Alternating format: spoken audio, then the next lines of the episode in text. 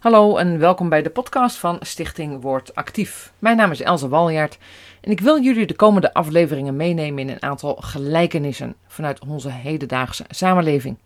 Jezus sprak veel in gelijkenissen. Het is namelijk een feit dat als je verhalen hoort, dat je plaatjes voor je ziet. En dit geeft vaak herkenning door beelden. Wat ogen zien komt vaak dieper naar binnen dan alleen horen. Het raakt soms het hart beter. De gelijkenissen, de verhalen van toen, zijn lang niet voor iedereen meer herkenbaar. Vandaar een aantal gelijkenissen gebaseerd op ons leven hier in Nederland.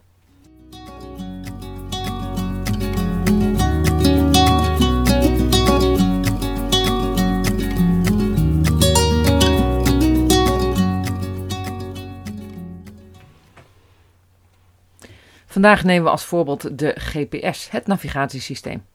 Het blijft voor mij een geweldige gelijkenis als het gaat om Gods stem verstaan en Hem volgen als ik onderweg ben met Hem.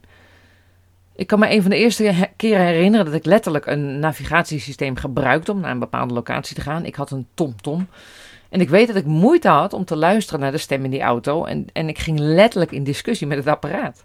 Vooral als ik een bepaalde route kende en de navigatie me ergens anders heen leidde. Het had ook te maken met niet volkomen vertrouwen. Het is en blijft een computer. En ik geloof dat ik als mens flexibeler ben en meer ervaring heb en het dus best wel beter weet. Tja, naarmate ik de navigatie meer ging gebruiken, kwam ik erachter dat deze behoorlijk nauwkeurig is. En nu rijd ik met de GPS op mijn telefoon, die ook wegonderbrekingen aangeeft en files bijhoudt. En durf ik meer en meer op de navigatie te vertrouwen. De GPS als stem van de Heilige Geest en het woord van God. Altijd verbinding.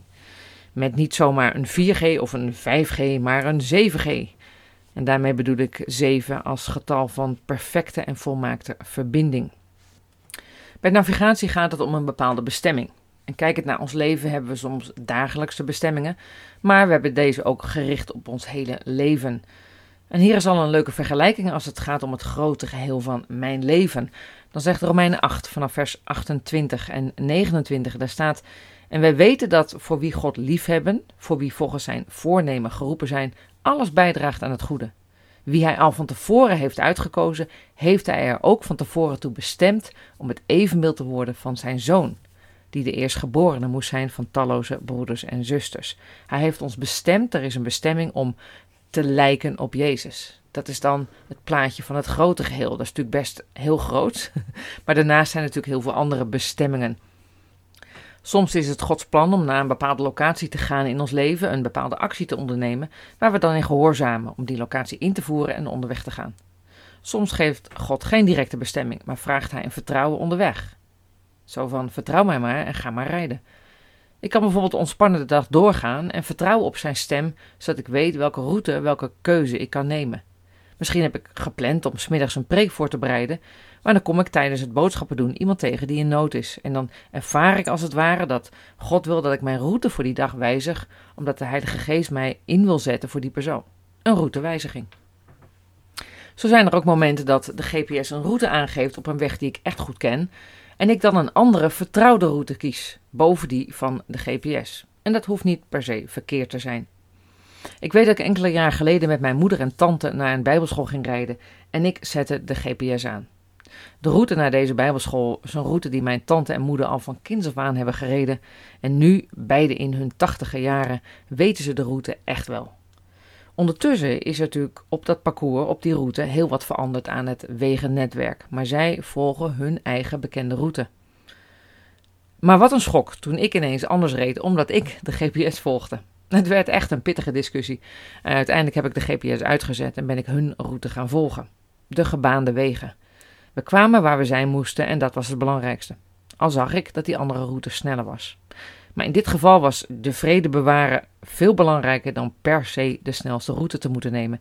En we kwamen aan op onze bestemming, het meest belangrijke. Toch zit hier soms wel een leuke parallel in. Ik kan zo vastzitten aan oude gewoontes, aan oude routes, dat ik geen zin heb om deze te wijzigen of me daar onzeker over voel. Bijvoorbeeld om een kerkdienst fijn te vinden als alles op een bepaalde liturgische wijze verloopt. De route is bekend. Eerst de mededelingen, dan zingen, dan de preek en dan gebed. Maar wat als de Heilige Geest nu een keer vraagt om te beginnen met gebed?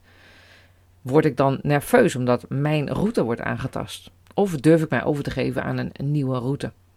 En zoals in mijn eigen voorbeeld is ook de oude route niet per se verkeerd en kom je er ook. Maar het leren afhankelijk te worden van Gods stem in plaats van mijn routines, dat is best een interessante uitdaging.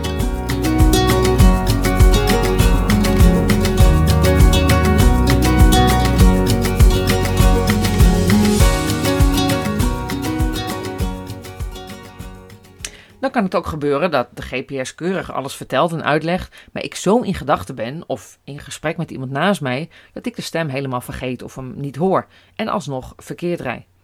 En dan vind ik een navigatie heel fijn, want die wordt niet boos, die schreeuwt nooit, die raakt niet geïrriteerd, die blijft rustig herberekenen en stelt een nieuwe route in. Met soms de woorden keer om of ga terug naar de route. Een prachtig beeld van God. Ik kan zo afgeleid zijn in het leven en druk zijn met mezelf en anderen dat ik de fluistering van de Heilige Geest niet hoor. Waar de Heilige Geest mij misschien waarschuwde om niet naar een bepaalde bijeenkomst te gaan, ben ik toch gegaan. En eenmaal op de bijeenkomst kan ik mij dan realiseren dat het niet oké voelt en kan ik mezelf alsnog afstemmen op de Heilige Geest, die mij dan helpt om de route te herberekenen en eventueel om te keren en weg te gaan. Dan kan ik de GPS soms ook negeren, omdat ik niet wil luisteren en zelf al een route en locatie in gedachten heb. Meestal zet ik dan de GPS uit. Even zelf bepalen. Ook dat is best herkenbaar in ons leven. Als we even geen zin hebben in Gods mening. Misschien omdat we het antwoord toch al weten en liever ons eigen ding doen. Dan zetten we als het ware de stem van de Heilige Geest uit of we negeren het woord. Stel dat iemand mij onrecht heeft aangedaan en mij verdrietig en boos heeft gemaakt. En ten diepste weet ik dan dat God van mij de route van vergeving vraagt. Maar daar ben ik te boos voor. Dat wil ik niet. En dan zet ik als het ware zijn stem even uit en kies ik mijn eigen weg. En dan kan het ook gebeuren dat we al rijdend ineens vast komen te zitten in een file. Of we komen een wegonderbreking tegen. En dan worden we soms boos op de navigatie. Had hij dat niet kunnen corrigeren of herberekenen? Of een andere route al bij voorbaat kunnen inplannen? Soms zijn deze obstakels een gevolg van mijn eigen keuze had God een andere route in gedachten, maar omdat ik een paar afslagen verkeerd heb genomen, is God gaan herberekenen. Dan kom ik alsnog wel op mijn bestemming, maar misschien met meer onderbrekingen. Dan blijft de navigatie mij helpen en kom ik waar ik zijn moet, maar duurt het langer.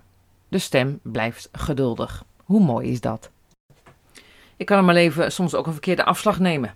Bijvoorbeeld, ik besluit een baan aan te nemen die ik vooral wil, omdat ik daarmee veel geld ga verdienen, maar waarvan ik wel een soort van onrust van God dan ervaar. Dan negeer ik dat, dat spreken van God en dan kies ik mijn eigen route.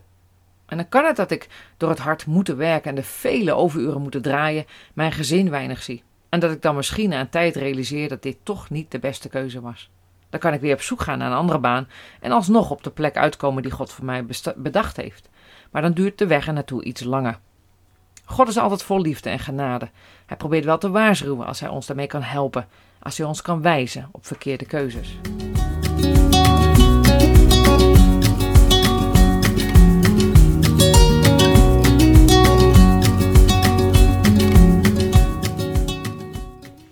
Soms zijn omleidingen van de GPS heel nuttig of heel leuk.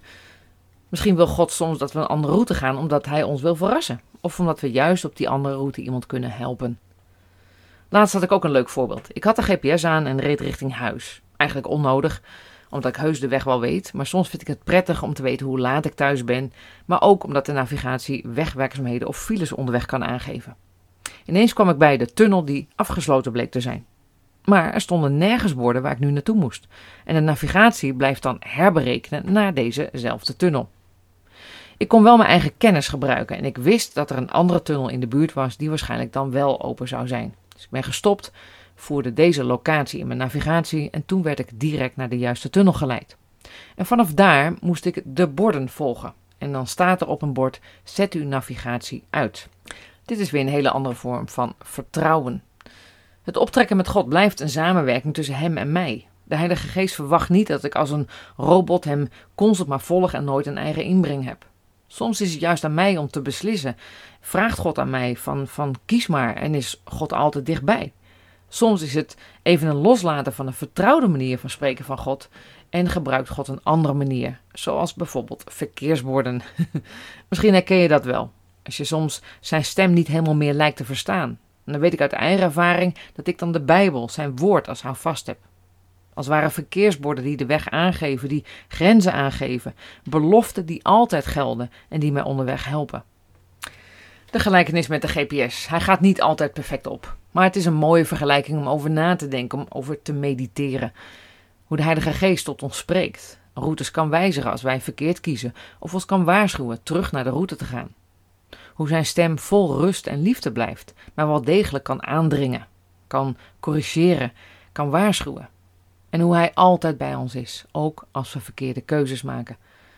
Romeinen 8 begon met vers 28. En wij weten dat voor wie God liefhebben, voor wie volgens zijn voornemen geroepen zijn, alles bijdraagt aan het goede.